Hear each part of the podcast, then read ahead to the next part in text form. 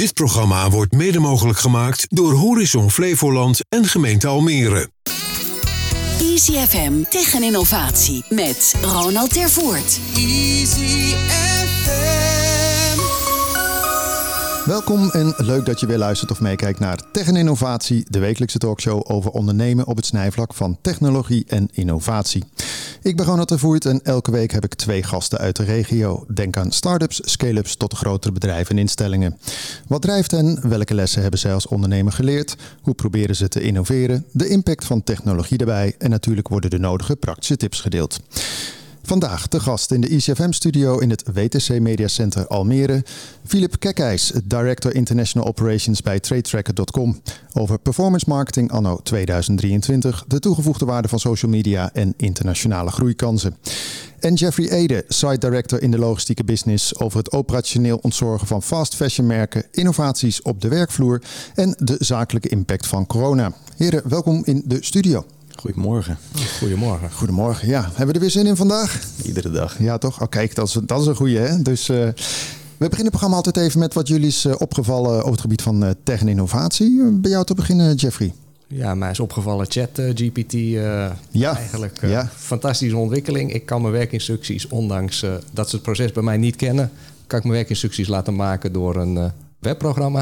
En het enige wat ik even zelf hoef te doen is vier of vijf woorden veranderen en kan de werkvloer op maar jij hebt het ook echt al geprobeerd? Absoluut. Gebruik jij het ook al, Filip? Nou, het is een beetje spelerwijs. Hè? Ja. Uh, je, je, hebt een heleboel mogelijkheden, maar je moet wel opletten waarvoor je het gebruikt. Uh, dus er gaan heel veel, gaat het de ronde als je het hebt over ChatGPT is eigenlijk de, de toekomst. het is meteen één op één over te nemen. Allemaal tips die je daarvoor kunt gebruiken. Maken van, van content. Dus in dit geval met werkinstructies. denk ik dat het een hartstikke leuke toepassing is. wat je nu voorbij ziet komen is dat het ook als algemene tips en contentcreatie wordt gebruikt voor productbeschrijvingen of andere toepassingen. Maar ook voor je content content voor op je website kan je het gebruiken. Ja, bijvoorbeeld. Ik ben daar aan zich niet, uh, niet direct een fan van. Je moet uh, zeker in de Nederlandse taal moet je nog best wel opletten hoe je het gebruikt. Maar het is zeker een leuke ontwikkeling. Ja, ik had vorige week moest ik een uh, event mocht ik hosten. En toen hadden ze aan het eind de e-commerce trends. En toen zei diegene die had het gepresenteerd. En toen zei iemand van, hoe kom je daar nou bij? Zegt hij nou, JetGPT. Dus en ik was er nog mee eens ook nog. Dat is toch bijzonder, Jeffrey? Ja, het is fantastisch. En uh, het mooie is wel, wat Philip ook zegt, je moet er zelf nog wel een keer overheen lezen. Want het klopt niet 100% wat eruit komt. En, en je moet een eigen tone of voice geven. Maar uh, ja, al, het denkwerk over hoe zit je structuur en, uh, en wat wil je vertellen, dat wordt eigenlijk voor je gedaan. Bijzonder. Ik had gisteren hoorde ik op de radio ook iemand vertellen. Je hebt in, de, in Den Haag in de Tweede Kamer heb je natuurlijk allemaal van die weet dat, wetsvoorstellen. Of al, al, en er was er ook dat JetGPT had ook iets geschreven. Zo'n, uh, weet, ik weet niet hoe dat heet met zo'n term van in deze Kamer gezetenen vandaag wil ik graag aan de orde brengen. Dat was gewoon een tekstje, alsof je dacht, nou, dat is politici X heeft dat bedacht. Ja, je hebt het uh, nu ook met, met een aantal nieuwsbrieven. Hè. Dan wordt er een klein stukje tekst wordt er dan toegevoegd en dan staat er onder PS, deze tekst is geschreven door ChatGPT.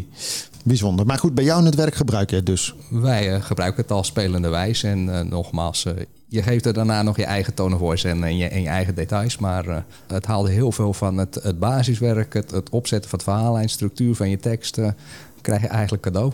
Maar hoe gebruik jij dat dan? Zonder dat we, we gaan straks natuurlijk verder op jouw werkzaamheden in. Maar is het dan zeg maar, uh, ik noem maar wat, uh, aantal dingen die je de mensen wil laten doen, dat je zegt, uh, schrijf er eens een tekst over, of is het de presentatie? Het is een tekst en bijvoorbeeld schrijf een, schrijf een veiligheidsinstructie voor iemand hoe die veilig moet tillen. Jeetje. En je krijgt twee of vier of tien pagina's, net, net wat je zegt dat je hebben wil. Ja, ik heb het nog steeds zelf niet geprobeerd, maar ik uh, blijf verbaasd over wat eruit komt. Nou, jij bent uh, kritisch, hè? Nou, ik denk dat wat Jeffy zegt, dat het ook een prima toepassing is. Kijk, ChatGPT, uh, het is natuurlijk gebaseerd op een heleboel content die allemaal in informatie die beschikbaar is online. als je dat aggregeert, en dit zijn redelijk gestandardiseerde werkinstructies, veiligheidsvoorschriften, zaken die vanuit een educatieve achtergrond goed zijn te standaardiseren, ja, dan is zo'n informatiebron ook goed aan te boren. Als je het hebt over creatieve stukken content, ja, dan denk ik dat je je nog steeds op glad ijs begeeft. Uh, waarbij het ook een stuk onderscheidend vermogen is wat je toe kunt passen. En dan denk ik dat binnen onze business dat het wel interessant is om te kijken van wat zijn de raakvlakken, wat zijn de mogelijkheden. Uh, dat je een deel van je werk gewoon uit handen kunt nemen met technologie als een ChatGPT. Mm -hmm. uh, want er zijn meerdere toepassingen van als je het hebt over AI-gegenereerde teksten of het herschrijven, als je het hebt over NLP. Dus er zijn echt een heleboel verschillende opties. Maar bij gestandardiseerde informatie denk ik dat je daar eerder een toepasbaar vindt dan een creatieve achtergrond of invalshoek. Had jij het eigenlijk verwacht, Filip? Uh, want wij, wij, spraken elkaar, zullen we zeggen, in de tijd van e-mails. Acht jaar geleden was het al, oh, berichtjes kunnen gedaan worden door de computer. En op een gegeven moment was het best wel stil. En in één keer vloepte dit op. Ik, het, het was toch een beetje donderslag bij helder hemel. Eh. Nou ja, ik denk als je niet, niet zozeer in deze business opereert, inderdaad, dan is dat donderslag bij helder hemel. Maar als je gaat kijken naar hoe lang het eigenlijk al bestaat, hè, waar de investeringen vandaan komen, hoe de technologie zich heeft ontwikkeld, dit is niet iets nieuws.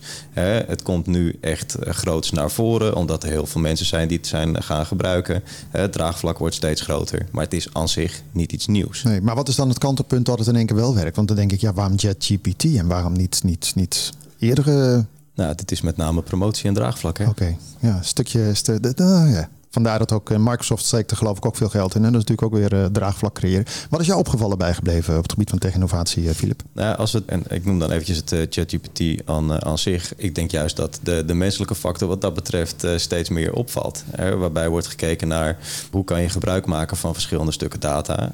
en in, in onze business hebben we het dan bijvoorbeeld over de trend waar een stuk branding steeds meer naar de achtergrond is, is verplaatst. Er wordt steeds meer naar ROAS gekeken, wat relatief korte termijn is return on ad spend, hè, wat je uitgeeft aan adverteren. Even vertalen voor de mensen die het niet zeggen. Nou, daar wordt steeds, steeds vaker naar gekeken, terwijl het hele brandingperspectief naar de achtergrond uh, verplaatst. Nou, door weer de menselijke factor uh, toe te voegen op basis van hoe kan je nou technologie gebruiken en hoe kan je over de hele funnel ervoor zorgen dat je eigenlijk op basis van lifetime value gaat kijken naar wat dan je waardevolle klanten zijn. Ja, dan denk ik dat juist proposities die daarop geënt zijn, dat dat een stuk ontwikkeling is wat we hebben gezien uh, op nou, de, laatste paar, paar weken, maanden. Uh, en wat we steeds meer terug gaan zien. Ja, ik hoorde laatst ook volgens mij dat Booking.com doet natuurlijk, uh, zeggen ze altijd, hè, duizend iteraties per dag, zal ik maar zeggen, in een website. En uiteindelijk was de conclusie dat alle dingen, of het gros van de dingen die ze gedaan hadden in de afgelopen jaren, hadden eigenlijk niet zoveel toegevoegde waarde. Want dat was allemaal natuurlijk data die zei: dit is beter, want dan koopt Philip toch dit, dit reispakketje. En dan kom je ook een beetje wat jij zegt. Hè? Het is die menselijke factor die we op een gegeven moment best wel uitgeschakeld hebben. Ja, om daar maar weer meteen de link te maken naar zo'n service als een ChatGPT. Uh, je krijgt een stuk verschuiving van in dit geval zoekgedrag. Waarbij juist je eigen merk steeds belangrijker weer wordt.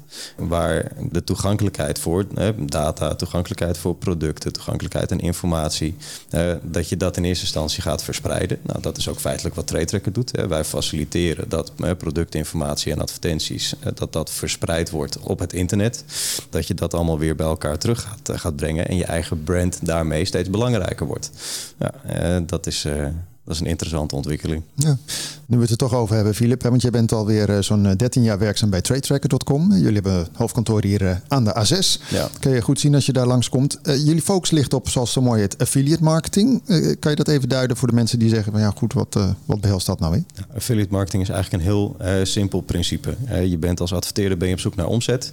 die omzet die kun je of zelf realiseren met je eigen advertentie-efforts, je de reguliere kanalen, als je daar, daarnaar gaat, gaat zoeken. Of je je kan je aansluiten bij een affiliate eh, netwerk eh, als zijnde trade tracker. Wij bieden een stukje software aan waarbij je productaanbod en advertentiemateriaal beschikbaar stelt in de software. We hebben publishers die zijn aangesloten op ons netwerk. Zij promoten dan een adverteerder. Wordt er een uh, transactie gerealiseerd op je eigen webshop um, door de promotie van een publisher, dan wordt daar een commissie voor betaald. Dus het is heel performance-based. Er zit uh, weinig risico aan. Ja, no pay, no cure eigenlijk. Hè? Ja, ja, ik zou hem andersom vermelden. Hè? No, no, no, cure, no pay. Oh ja, ja, ja oké. Okay. Um, maar in de, inderdaad, dus dat zijn, um, dat zijn wel de hele mooie principes van affiliate marketing. Ja, want het tegenovergestelde eigenlijk, hè, want dit is eigenlijk soort, ik noem het maar een beetje een soort van lead generatie. Je, je klikt inderdaad door, je hebt, je hebt al die websites. En, en volgens mij is in jullie business vooral van belang hoeveel uitgeefplatform je zit. Hè? Want jullie hebben heel veel merken natuurlijk waar je het uh, voor doet. Ja, klopt. Uh, dus in totaal werken we voor zo'n 5.500 adverteerders. En dat is eigenlijk nog maar het puntje van de ijsberg... met wat het totaal er aan uh, ja, online verkopen plaatsvindt... of het aantal webshops wat, wat er is in het, in het land... of eigenlijk op, op deze hardkloot. En hoe, hoeveel publishers, zoals het dan zo mooi heet... hoeveel, hoe, hoeveel hebben we het dan over? Nou, ik vind dat eigenlijk wat minder relevant. Hè. Waar het uiteindelijk op neerkomt is welke publisher is interessant voor een adverteerder. want je hebt als, als publisher. En om daar dan eventjes wat op uit te, te wijden. Een publisher kan zijn iemand met, met een eigen website. Je kan wel iets verkopen, je kan niet iets verkopen. Prijsvergelijkers, dat kan een blog zijn. Iemand die als een nou, influencer op, op vakantie wordt gestuurd en daar een verhaal vertelt over hoe een, een hotelervaring was. op het moment dat je als consument daar een stuk interactie mee hebt en dat leidt vervolgens tot een aankoop, dan wordt daar een commissie voor, eh, voor betaald. Ja, en wat is dan het uh, grote onderscheid met de andere affiliate netwerken die eh, ons land uh, rijk is, zal ik maar zeggen? Want dat, dat, dat zijn er behoorlijk wat. En volgens mij zit je tegenwoordig ook met bol.com of Wekamp. Iedereen, iedereen zit ondertussen wel met zijn vingertjes in. Wat maakt jullie daarin anders? Nou, wij kijken op een, um, eigenlijk een bijzondere manier naar affiliate marketing, waarbij de markt de facto opereert. Dat eigenlijk de laatste publisher die een interactie heeft gehad met een consument, dat die de commissie ja, toegekend wordt. Ja, wij vinden dat principe eigenlijk verkeerd. want iedereen die een adverteerder promoot, die heeft daar een bijdrage aan die transactie die plaatsvindt. dus daar moet je naar vanand een commissie aan of onder verdelen. Nou, dat biedt ons platform aan op basis van een attributie. En dat is iets wat TradeTracker uniek maakt, onder andere uh, in, in de markt. Uh, wij hebben een hele zware technologiefocus, waarbij we schaalbaar in willen zetten op uh, de mogelijkheden bieden voor eigenlijk iedereen die iets online verkoopt, CQ die dat wil promoten. Ja, eigenlijk bij jullie, Jeffrey. jullie hebben niet veel van doen met affiliate netwerken eigenlijk, hè, als logistieke partij. Wij, wij opereren op de achtergrond. Wij ja, toch? bijzonder weinig ja. aan marketing. ons doel is eigenlijk om onzichtbaar te zijn en, en, en de klant in de spotlight te zetten, om maar even zo te zeggen. Maar dat is wel mooi, hè? dat is tegenovergesteld wil onzichtbaar zijn. Maar dat is goed, dat is, dat is inderdaad eh, het grootste compliment. Hè? Zelfs dat, uh, dat je klantenservice niet nodig hebt, want het loopt gewoon fantastisch. Maar e- even nog, want de, de affiliate marketing, een andere vorm van, van uh, marketing is eigenlijk meer dat banneren. Hè? Dat is zeg maar de andere tak van sport. Bijvoorbeeld. En dat is gewoon lekker even beeldborden, zo maar zeggen. Ja, maar, je kan op, op Google adverteren, je kan op basis van, van kliks betalen. Dat kan op specifieke sites. Je kan naar de grote mediahuizen toe en zeggen, joh, ik wil daar een, deze banner wil ik daar hebben staan. dan betaal je op basis van of je betaalt op basis van een vaste plaatsing, vaste positie. Ja, en dan wordt jou verteld, er zijn zoveel mensen die dit gaan zien. Of er zijn zoveel mensen die hebben geklikt op jouw stuk promotiemateriaal. Dat is allemaal leuk en fijn. Dat draagt wel bij aan een stuk branding. Althans, als dat op een goede manier wordt gedaan. Maar hoeveel sales heb je daar nou uitgedraaid? Dus in theorie kun je een miljoen pompen in dergelijke campagnes en niets verkopen. Nou, bij ons werkt dat eigenlijk andersom. En het sluit niet uit dat je ook op basis van kliks kunt afrekenen of op basis van, eh, van impressies dat kunt verwerken. Je kunt het meenemen en ook als onderdeel van je totale ja, performance-based afrekenmodel. En jullie doen dat niet alleen in Nederland, maar gewoon internationaal. Ja, wat zijn dan de grote markten eigenlijk? Uh, daar waar de e-commerce uh, eigenlijk het, uh, het, beste is ontwikkeld, dat is wel de navenante positie. dus als je gaat kijken naar de, de UK of Duitsland, dat zijn grote markten. daar is ook de, de interesse voor publishers om in zo'n opportunity in te gaan. het is een kwestie van vraag en aanbod. ga je dat doen in, nou, ik noem even een Kroatië, ja, dan is e-commerce een stuk minder ontwikkeld, het is minder groot. En op het moment dat daar op een andere manier nog wordt betaald voor de promotie die wordt gedaan, dan zie je ook dat er minder initiatief wordt genomen door publishers om dat soort promotie op te pakken. Jij bent uh, als eh, Director International Operations. Dan ga je over nou ja, al jullie activiteiten, zal ik maar zeggen, qua de operatie. Wat is dan een, een, een land of uh, gebied waar het meeste nu zeg maar groeipotentie zit voor jullie? Dat vind ik echt wel een hele moeilijke vraag. Ja, als je het hebt over, over groeipotentie, kan je natuurlijk op, een, eh, op verschillende manieren interpreteren. Uh, je kan een markt ontwikkelen. Uh, je kan iets investeren voor, voor de toekomst om echt over een aantal jaren daar stappen te kunnen maken. Oké, maar het is niet zo dat je zegt Brazilië zien we echt dat het in één keer, en dat is natuurlijk een heel groot land, maar dat het booming is. En daar moeten we naartoe. Nou, niet specifiek. Nee, nee. dus eigenlijk waar, waar de e-commerce zich ontwikkelt. dus er zijn een aantal eh, landen waar wij nog niet vertegenwoordigd zijn. waar we wel plannen hebben om eh, de expansie op te pakken. we werken ook met een aantal grote internationale adverteerders. Dat doen we ook op globaal niveau. Bijvoorbeeld een Air France. Daar werken we internationaal voor. En ook in een aantal landen waar we op dit moment geen kantoor hebben. En dat is ook het mooie van onze business. Aan zich zijn er weinig beperkingen als het gaat om landsgrenzen. Ja. de, de publisher is een, een belangrijk onderdeel van het draagvlak wat je hebt en wat je kunt creëren voor een adverteerder. Want die is uiteindelijk op zoek naar omzet. En jullie doen dat volgens mij, als ik het eh, goed gezien heb, over allerlei domeinen heen. Het kan zijn travel, telecom, shopping, uh, finance, ja, you name it. Klopt. Dat maakt dus eigenlijk ook niet zoveel uit. Nee, en of het nou gaat over nou, de, de HEMA die hier op de hoek zit, of het gaat om een terugtegeltje.nl, het maakt eigenlijk allemaal niet uit. en dat is ook een van de punten waar wij ja, heel, heel stellig in zijn. Wij gaan niet op de stoel van de, van de ondernemer zitten. Wie zijn wij om te vertellen dat iemand zijn product product wel of niet verkoopt op het internet. het is aan de adverteerder om te zeggen: dit is mijn product, dit is waarom ik het verkoop, dit is waarom een consument dit product zou kunnen kopen. En die boodschap die moet je overbrengen bij een publisher. Maar ga jij niet creatief ondersteunen? Ik noem maar wat. En ik kan me voorstellen, stel je voor dat Jeffrey de HEMA is, zal ik maar zeggen, dat je zegt: nou, we zien wel in onze data dat als je dit of dit doet of video inzet, dat het veel beter converteert. Absoluut. En dat is ook onderdeel van ons takenpakket als affiliate netwerk.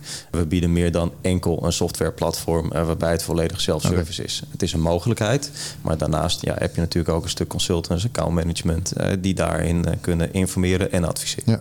En nu is er de afgelopen jaren behoorlijk wat te doen geweest over de third-party cookie, zoals dat zo mooi heet, de technische termen. Zeg jij dat wat, Jeffrey? Jazeker. Oh, mooi. Kun je het uitleggen? nee, maar we gaan nu toe naar zo'n first party. Hè? Oftewel, even voor mij, als je hem helemaal plat slaat, gewoon je bent zelf rechthebbende van de data en niet meer dat, een, eh, dat het elders is. Nu was het geloof ik dit jaar dat Google ook uh, overstag zou gaan. Nu las ik laatst weer dat Google zoiets had. Oh, we lopen het nog eventjes een ah, beetje uit te rekken. Ja, en ik heb wel eens eerder met Microsoft gezeten, noem maar op, bij, bij, ook bij e-mails. En dat, ja, iedereen geeft elkaar een beetje de zwarte piet. Maar hoe impactvol is dat voor jullie? Dat er een switch is van uh, dit soort cookies naar uh, ja, in eigen beheer, zou ik maar zeggen? Nou, kijk, de, de tracking methodiek die wij toepassen, die heeft daar eigenlijk niet mee van doen. Uh, wij werken met een trackingcyclus die volledig op basis van het domein van de adverteerder werkt. Um, dus wat je daarmee krijgt, is dat de data eigenlijk altijd van de adverteerder is. En wij bieden dat, dat aan om een eigen platform te draaien, een eigen trackingcyclus op te bouwen. En er zijn ook nog een aantal andere mogelijkheden waarmee je dat kunt, kunt inrichten, server-to-server implementaties. Maar dan wordt misschien wat Ja, nee, want dan kun je op een gegeven moment heel technisch gaan in alle experimenten natuurlijk. Hoe, hoe was corona eigenlijk voor jullie? Want uh, nou ja, e-commerce was booming business. Ja. Maar goed, heel veel partijen in de travel, zal ik maar zeggen, die, eh, die moesten flink uh, terugschroeven van budgetten. Hoe was het voor jullie? Was het een nou, groei nog? Dan ga ik je eerst eventjes een, vraag terugstellen. Oh, mooi. of aan, aan Jeffrey, kan ook. ik bedoel, noem maar eens een lijstje van, van webwinkels. gewoon een lijstje noemen? Ja, gewoon een lijstje. Hoe ver kom je? Oh, dan kunnen we een tijdje doorgaan. Amazon, Bol, ja. Wekamp. Ja, moet dat zo? Maar wat, wat, is het, wat nou, wil je ermee doen? Tot, tot hoeveel denk je dat je komt? Oh, zo. Uh, uit de heup geschoten. Hoe, hoe, hoe, ver kom jij? Ik denk dat ik er wel duizend uh, op uh, kan doen. Oh ja, nou die doen we voor een ander programma. Dat gaan we apart opnemen voor je. Kijk, Jeffrey zit natuurlijk in die business. Hè? Ja. Jij zit ook in die business. Maar als je de gemiddelde Nederlander vraagt van ja, hoeveel webshops ken je nou? Welk lijstje kom je? Ja, je hebt zo'n top of mind top 7 of zo. Ja, de meeste mensen komen tot zo'n 5, 6, 7 webwinkels. En dan als ze echt gaan graven, nou dan misschien 10, 15. Maar daar houdt het echt wel op. Ja. Hetzelfde als het gaat om, om publishers. zeg maar de reguliere nieuwsites en algemene media.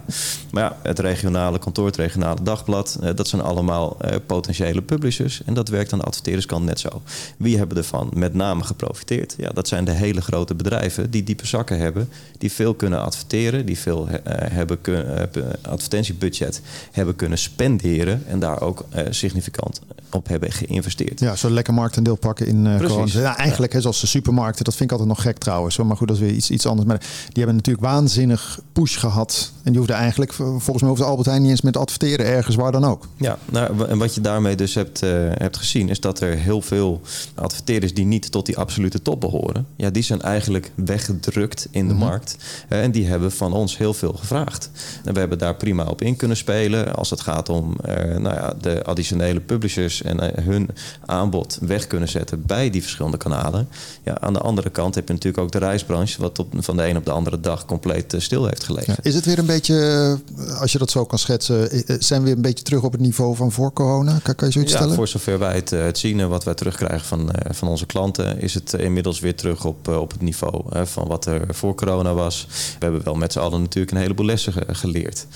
van hoe moet je omgaan met, met publische relaties, hoe ga je om met met, eh, met klanten en welke rol speelt affiliate marketing dan ook eh, in de informatiebehoeften die de consument heeft. ik, ik, riep in de inleiding, had ik het even over social media. dan denken we vandaag de dag vaak aan Snap en TikTok en, en YouTube.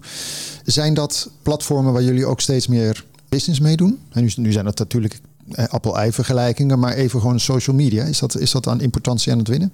Nou, het is sowieso een belangrijk kanaal. Voor ons is het eigenlijk heel simpel. Als jij bereik hebt naar een consument, dan kan je actief zijn als publisher. Of je dat nu doet via YouTube, via, via Snapchat. Jullie zijn eigenlijk agnostisch, maakt er geen bal uit. eigenlijk helemaal niets uit. Waar bij ons dan uh, het belang en ook meteen de uitdaging dan, uh, dan zit, uh, is dat wij kunnen meten dat een consument via een bepaalde interactie op zo'n kanaal uiteindelijk een aankoop doet bij een adverteerder. En als het over verschillende publishers gaat, verschillende touchpoints gaat, van een stukje social media interactie tot aan iemand leest een bericht op de Telegraaf. Als daar dezelfde adverteerder bij betrokken is en de, de, promotie verloopt via ons netwerk, dan moeten we dat inzichtelijk uh, kunnen maken en daar de, transactie op af kunnen rekenen. Is het uh, voor een, een doorsnee marketeer vandaag de dag niet ja, best wel moeilijk om al dat, nou, wat er gebeurt. Hè, bedoel, je hebt steeds meer platformen, je hebt steeds maar ook, ook ja, specialistische kennis nodig. Hè. Bedoel, uh, TikTok werkt al totaal anders dan hè, wat we kenden met bijvoorbeeld de Facebook, ik noem maar wat. Hoe is dat voor jullie? Want, want jullie hebben al die, hè, jullie hebben techniek, creatie, advies in huis. Maar vervolgens zijn natuurlijk aan de klantzijde zitten ja, partijen die denken: oh ja, billboarding deden we vaak, affiliate. En, ja, wat is daar uh, een beetje de status? Het wordt inderdaad steeds moeilijker hè, voor een marketeer om te kijken van wat is de toegevoegde waarde van een kanaal. En dat is uh, meteen ook iets wat ik daarmee aan wil stippen. Affiliate marketing aan zich, het is een mooie verzamelterm. Maar affiliate als kanaal geldt wat mij betreft niet. Want je hebt binnen affiliate als kanaal heb je een heleboel verschillende publishers die weer betrokken zijn bij de promotie. Dus je moet dat echt ja, wel van elkaar kunnen, kunnen scheiden. ik denk dat met name de uitdaging zit waar ga ik mijn advertentiebudgetten spenderen. met name als je het hebt over grotere adverteerders die veel met, met potjes werken gaat ook nog een stukje interne politiek eh, spelen. Want als er het, budget niet wordt gespendeerd, dan wordt ook vaak gedacht, maar je kan met minder uit. Dan heb je daar de volgende uitdaging uh, liggen. Nou, je zal het zelf ook wel herkennen. Dus wat wij daarin proberen te doen, is inzichtelijk te maken welke publishers hebben toegevoegde waarde. Waar kan je het beste je relaties mee uitbouwen? Welke promotie werkt goed en welke combinatie van werkt uiteindelijk voor een optimaal resultaat? Ja. Jij bent verantwoordelijk voor zo'n 180 medewerkers als ik het eh, een beetje wel eh, geteld heb, niet nageteld. En jullie zitten in 25 landen. Dat lijkt me toch ook wel een hoop culturen. Uh, dat is, maar dat is toch mooi? Ja, nee, fantastisch. Maar dat is wel, zeker met corona er tussendoor gefietst nog. En je hebt natuurlijk ook best veel cultuur over de vloer lopen, denk ik, Jeffrey, of niet? Wij hebben een uh, nationaliteit of 70 lopen op dit moment, uh, denk ik. En, oh. uh, ja, uit, ja, uit, heel de wereld. Kijk, maar, maar als jij dan, hoe, hoe heb je dat ingericht? Ga je dan zelf veel calls doen met het buitenland? Of hebben jullie lokale presence daar? Hoe moet ik dat zien? Nou, sowieso hebben we lokale presence, hè, want dat is wel waar wij voor staan. Um, je hebt lokale expertise nodig om goed te kunnen adviseren. En ook geïnformeerd te blijven. Maar inderdaad, het is veel, veel onderling contact. en ook kijken naar wat de, de gemene deler is, in plaats van wat de verschillen zijn. Uh, dus het maakt het heel interessant uh, om te kijken hoe reageert een bepaalde cultuur in een land eh, op een specifieke situatie. Eh, de een die reageert er ja, wat, wat socialer op, eh, de ander die, die schiet meteen in, in de houding. En, en corona had, uh, bedoel, als het al vergelijkt met België, daar was het alweer heel ander coronabeleid dan hier. Dus ja. dat lijkt me vooral de challenge, maar dat is ook weer het gave natuurlijk van je job. Ja, en als je het hebt over, over corona, dan was dat voor ons inderdaad wel een uitdaging. Hè? Ook met, met name wet en regelgeving. Hoe moet een, een bedrijf zich houden aan specifieke regels? Wat mag je wel doen, wat mag je niet doen? wat moet je juist juist, uh, juist uitvoeren. Uh, dus dat, uh, ja, dat heeft heel veel communicatie gevraagd. Ja. Absoluut. Zijn jullie nog op zoek naar personeel of is het allemaal wel gecoverd? We zijn altijd op zoek naar goed altijd. personeel. Ja, ja, ja, ja. Nee, maar oké, okay, maar er zijn natuurlijk vandaag de dag in alle businessen is, is een soort van hè, arbeidskrapte, zal ik maar zeggen. Is dat bij jullie van toepassing of zeggen we nou wat wij? Nou, de, de schaalbaarheid van het platform die laat het uh, gelukkig toe. Uh, dat de manier waarop wij werken, uh, dat we dat prima kunnen faciliteren. dat gezegd hebben, we hebben een heleboel plannen die we graag uit zouden willen voeren. Ja, en daarvoor is goed gekwalificeerd personeel natuurlijk altijd benodigd. Ja. Dus misschien dat de ChatGPT uiteindelijk nog uitkomst kan bieden of dergelijke technologie. maar in principe ja, eh, is, is personeel wel, wel nodig. Maar ik denk dat wij het incentive aan zich eh, heel anders in moeten steken. Maar goed, dan gaan we meer de politieke ja, ja, ja, kant precies. Op. Maar goed, jullie kunnen inderdaad lekker schalen, want je bent gewoon een technisch platform. En dat, de hoeveelheid personeel gaat niet evenredig mee omhoog. Inderdaad. Dat is het gewoon eigenlijk. Hoeveel mensen werken bij jullie bij GXO Logistics Europe? Uh, Europa zou ik even niet durven zeggen. Dan hebben we het over tienduizenden mensen. Maar uh, bij mij uh, op de twee sites in Lelystad hebben we het over 850 man. nou, dat is ook wel. En dat, die vallen onder jou als site director? Die vallen allemaal onder mij. Wat, wat doet een site director eigenlijk? Zorgen dat de klant tevreden is en dat het personeel tevreden is. En dat we ons aan alle wet en regelgeving en HR-beleid houden. Oké, en een beetje interacteren met JetGPT dan dus? Ook een beetje interacteren met JetGPT. Eigenlijk zou je bij HR ook JetGPT moeten inzetten voor, dus, voor, voor de werving. Kan dat ook? Ik denk zeker dat het kan. Ik denk dat je hele goede uh, vacatureteksten kan krijgen. Ik denk wel altijd dat je je eigen sausje eroverheen giet. Ik denk niet dat kunstmatige intelligentie al ver genoeg is om uh, bedrijfsspecifiek en sectorspecifiek juist precies de personen aan te trekken die jou, bij jou passen. Ik denk dat je daar altijd nog de, de menselijke factor bij houdt. Van wat, wat maakt ons als bedrijf onderscheidend en wie, wie hoort daarbij? Maar je zou wel wellicht uh, kunnen voorkomen dat uh, de biases, maar goed, elke software heeft een bias, maar ik bedoel dat het wat uh, genderneutraler wordt qua keuzeproces, zou ik maar zeggen. Ik denk ook zelfs al met je vacaturetekst dat je wat beschikbaarder wordt. Ik denk dat bij het schrijven van een vacaturetekst al een beetje doorschemeren van zoeken we een man, zoeken we een vrouw of, of wat vinden we normaal in deze sector. En ik denk dat je daar met, met kunstmatige intelligentie wel een stukje filtering weg kan halen. Jullie zitten inderdaad, hè, wat je zegt, in Lelystad. Uh, jullie zitten in de logistiek. Wat doen jullie in de logistiek? Wat wij in de logistiek doen is, eigenlijk zorgen dat uh, de consument bediend wordt uh, in zijn ongeduld, zou ik bijna durven zeggen. Mensen zijn heel erg gewend geraakt aan het creëren van een behoefte. En die behoefte moet meteen vervuld worden. En onze taak in de logistiek is om te zorgen dat bedrijven zo snel mogelijk in kunnen spelen en beschikbaar kunnen zijn voor de klant. Mensen willen het snel hebben. Mensen willen dat het in één keer eh, goed is. Dat het in één keer compleet is. Maar jullie, want jullie zitten uh, volgens mij in bij Inditex hier in Flevoland. Dat is de, de, merken Pool en Beer en Sarah in ieder geval. Al die fast fashion noem ik het dan maar eventjes. Maar in ieder geval populaire merken. En jullie doen dan in huis het hele logistieke gebeuren? Wij, wij zorgen dat het uh, vanuit de fabrikant naar Nederland komt en vervolgens naar de, de winkels wereldwijd wordt gestuurd. Uh, zowel de, de high street uh, stores als ook naar de, de e-com DC's, vanuit waar het naar de consument wordt verscheept. Maar dan hebben jullie, als we het net over corona hebben en de boost die er was, was het pieken of... Het was een verschuiving, min, minder in de fysieke winkels, want die waren vaak noodgedwongen dicht en, en meer in e-com totale volume is, is wel iets omlaag gegaan. Want uh, ja, je koopt ook minder kleding als je niet naar een feestje wil of niet naar het strand kan. Dus de, de totale behoefte ging omlaag en, en vooral de verdeling werd anders. En, en krijg je dan ook de retouren? Want we hebben nog wel eens dat spullen kopen gaat retour. Gaat het dan ook via jullie? Of? Nee, dat gaat gewoon uh, naar de e-com DC die ook uh, geleverd heeft aan de consument. Uh, zie je nu alweer, uh, ik las van de week dat, dat de winkels weer in opmars waren. Dat heb ik ook wel bij een, een, van mijn dochters. Die zegt dan, nou je kan gewoon in de winkel passen, kan je gewoon meenemen. Ik zeg, ja dat is veel relaxer dan online shoppen en vier dagen wachten en het is te klein. En dan moet je nog weer terugsturen. Dus zie je ook een trend dat de, dat de fysieke winkel weer aan de fysieke winkel die, die wint aan populariteit. Zeker toen het net open was. Toen, toen was het echt weer een uitje. Maar ik, ik denk, je, je hebt twee soorten consumenten op het moment. Degene die het, het wil passen en het wil voelen. En degene die gewoon absolute gemak wil. Ja, maar desalniettemin, dan kijk ik ook even naar Philip. In de online business gaan wel steeds meer stemmen op dat uh, retourtjes ook even betaald moeten worden natuurlijk. Hè? Nou, ik vind het aan zich niet verkeerd hoor dat dat gebeurt.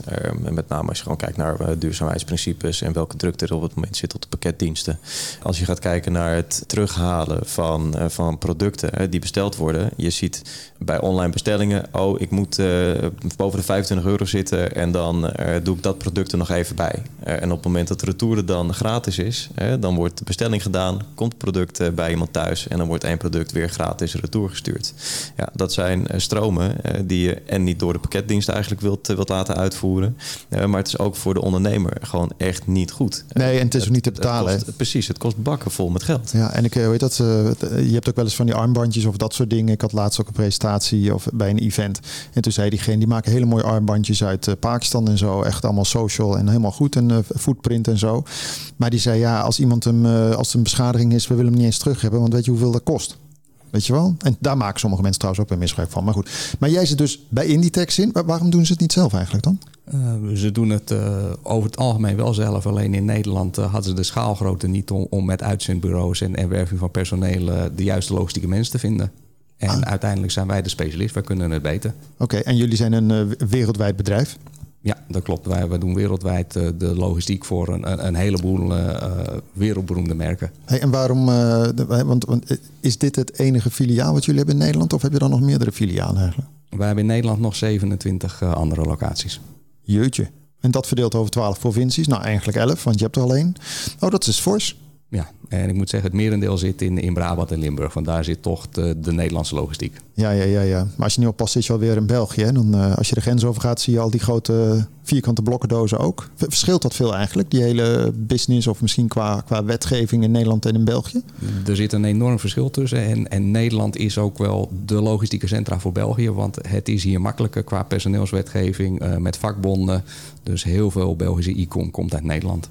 Er was ook nog een artikel uh, vanmorgen over dat de Belgische pakketbezorgers uh, goed betaald werden. En uh, na negen uur achter het stuur moesten ze pauze nemen. Dus ja.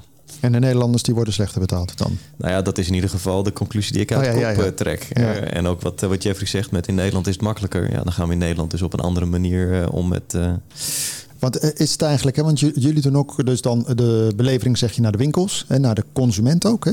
Nee, wij doen uh, geen belevering naar de consument. Oké, alleen maar B2B dus eigenlijk. Oké, want ik wou net zeggen, je hebt tegenwoordig al die busjes die eh, de straat in rijden. Ooit zei Daniel Ropers, hè, de, de, de ex-CEO van, van Bol, die zei van ja, vlak voordat hij wegging, ik wil eigenlijk gewoon samen met vervoerders dat we gewoon met één bus van vijf verschillende webwinkels, of duizend, zoals jij dat dan uh, kan opnoemen, de straat ingaan. Want je wordt ook net te gek natuurlijk. Er staan 25 van die busjes overdag. Dat is wel een ding. Hebben jullie last van, uh, van dat soort uh, bewegingen eigenlijk überhaupt? Want dan sta je weer in de file met de 10.000 bussen of zeg van nou, we hebben ook gewoon elektrisch en we komen over gemakkelijk dichtbij. Nee, wij hebben daar wel last van. De, de, er zijn te weinig busjes, er zijn te weinig chauffeurs. En het, het is net wat de CEO van Bob.com zegt. Joh, we willen allemaal in hetzelfde busje zitten. Maar we willen ook allemaal dat ons pakketje als eerst afgeleverd wordt. Of in ieder geval op de tijdstip die wij met de klant afspreken.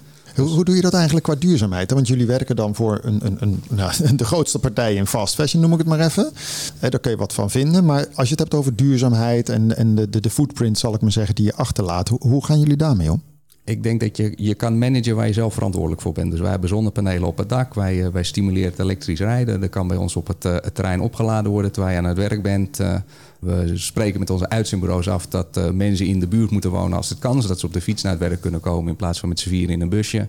Je kan uh, verantwoordelijkheid nemen voor het stukje waar je zelf invloed op hebt. Oké, oké, ja, dat is uh, fair enough, zou ik maar zeggen. Wat, wat, wat is jouw grootste uitdaging in 2023 dan? groei.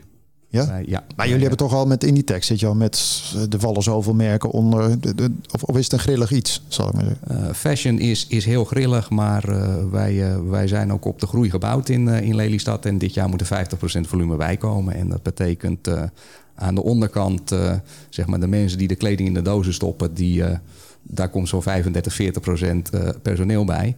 Maar ook leidinggevenden moeten anders, anders leiding gaan geven. Iemand die, eh, die vorig jaar aan 20 eh, mensen leiding geeft en dit jaar aan 50 die zal zijn stijl aan moeten passen, die zal efficiënter moeten werken, die zal na moeten denken over hoe die het team onder zich organiseert. Dus het, het, is niet alleen opschalen, maar het is ook anders denken. En jij bent van, als site director, ben je dan een soort van managing director daarboven? Dat je die mensen weer moet aansturen? Ja, ik heb een, een managementteam en daar zitten weer, weer warehouse managers onder. en ja, ik probeer de lijnen uit te zetten en de problemen weg te nemen. En Eigenlijk heb ik op elk vakgebied heb ik een specialist. En hoe groot is, uh, als jij zegt we moeten zoveel groeien, hoe, groot is, zal ik maar zeggen, het pand wat jullie hebben dan nu? Of hoeveel eh, vierkante meters? Het pand waar wij in zitten is ongeveer 200.000 uh, vierkante meter. Oh, als je nog kantoorruimte zoekt, uh, Philip, er schijnt nog een plek. Maar dat is huge. Maar dat gebruiken jullie met dus ten dele? Dat uh, gebruiken we ten dele en, en dit jaar weer voor een groter deel. En uiteindelijk moet er nog uitgebreid worden. Ja, dat zie je ook wel eens trouwens. Als je langs de A28 bij uh, Weekamp. Die hadden ooit één hut en toen twee. En nu komt er een derde. En ik geloof dat ze nog een voetbal, aantal voetbalvelden hebben liggen die ze mogen doen. Ik, ongelooflijk hoe hard dat gaat. Maar dat vind jij waarschijnlijk heel logisch.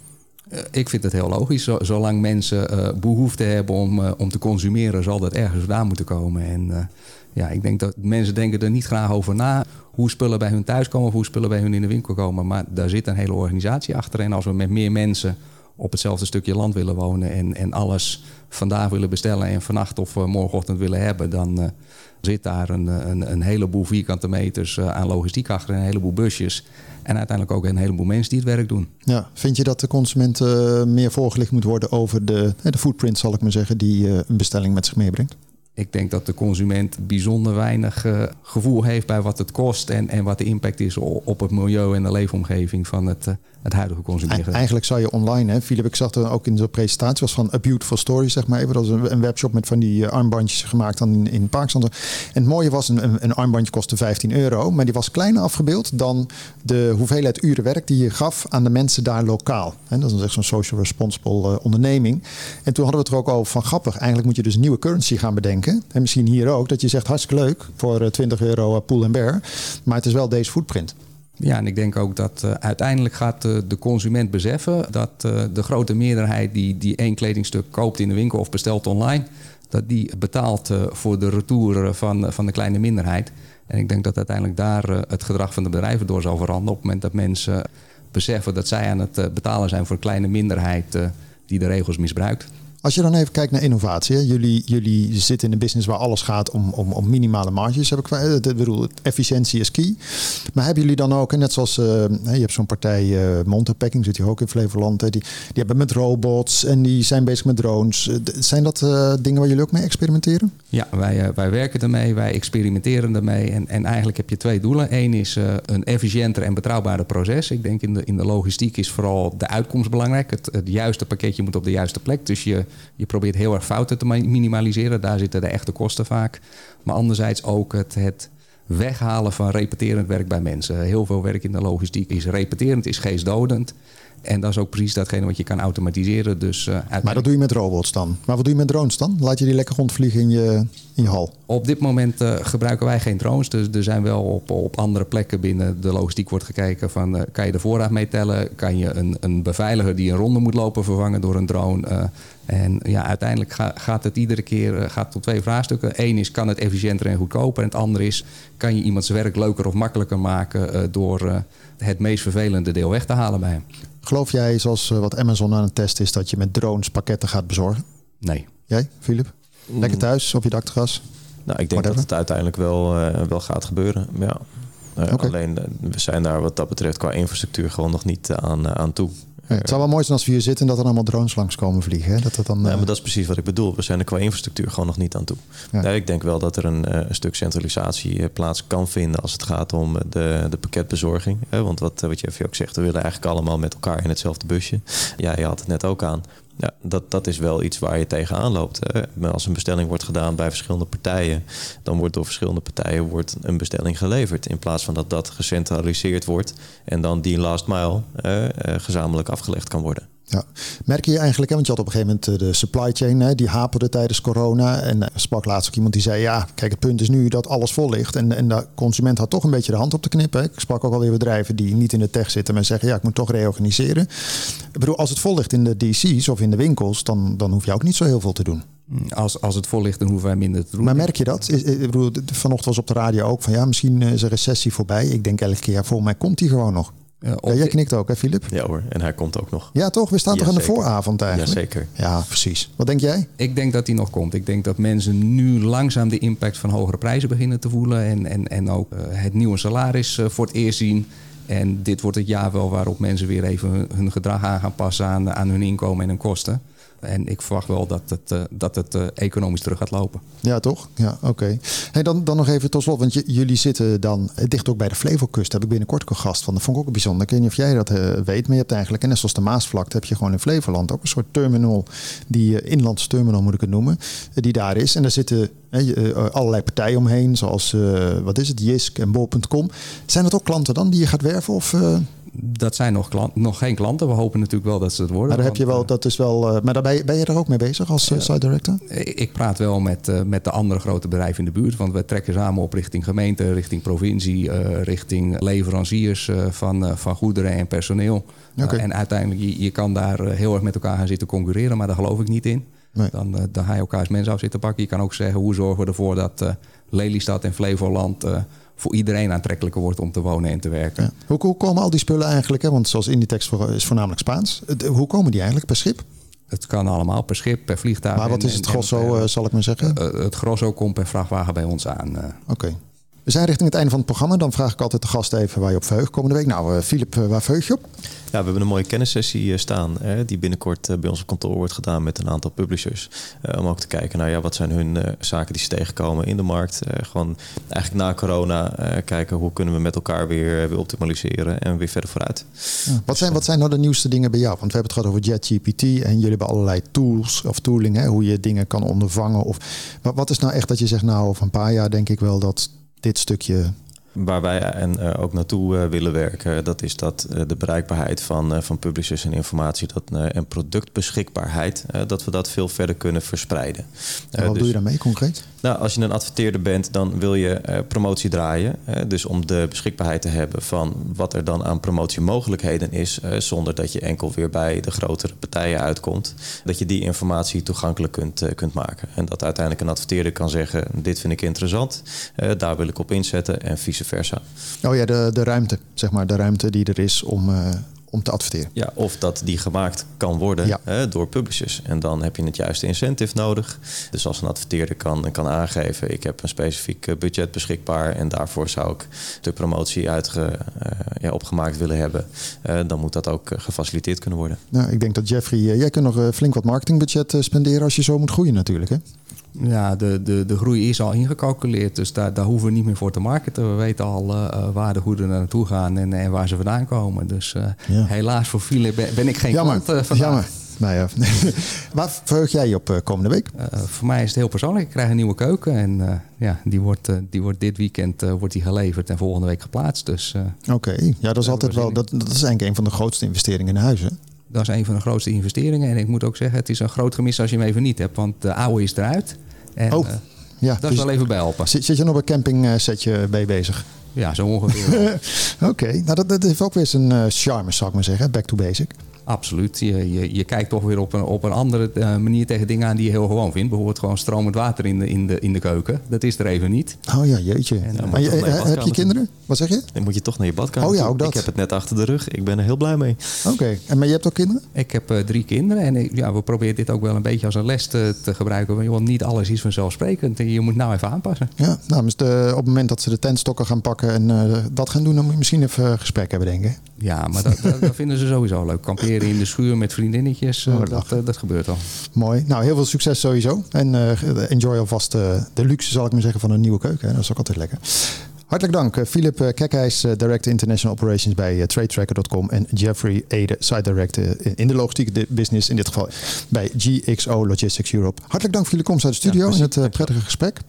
Jij bedankt sowieso ook voor het kijken, dan wel het luisteren naar dit programma. Wil je eerdere afleveringen bekijken of beluisteren? Ga dan even naar de ICFM-app. Je kan ook naar het kan Tech-platform of een van de andere streamingdiensten die er zijn. Ik dank je hartelijk. Graag tot volgende week. Dit programma werd mede mogelijk gemaakt door Horizon Flevoland en gemeente Almere.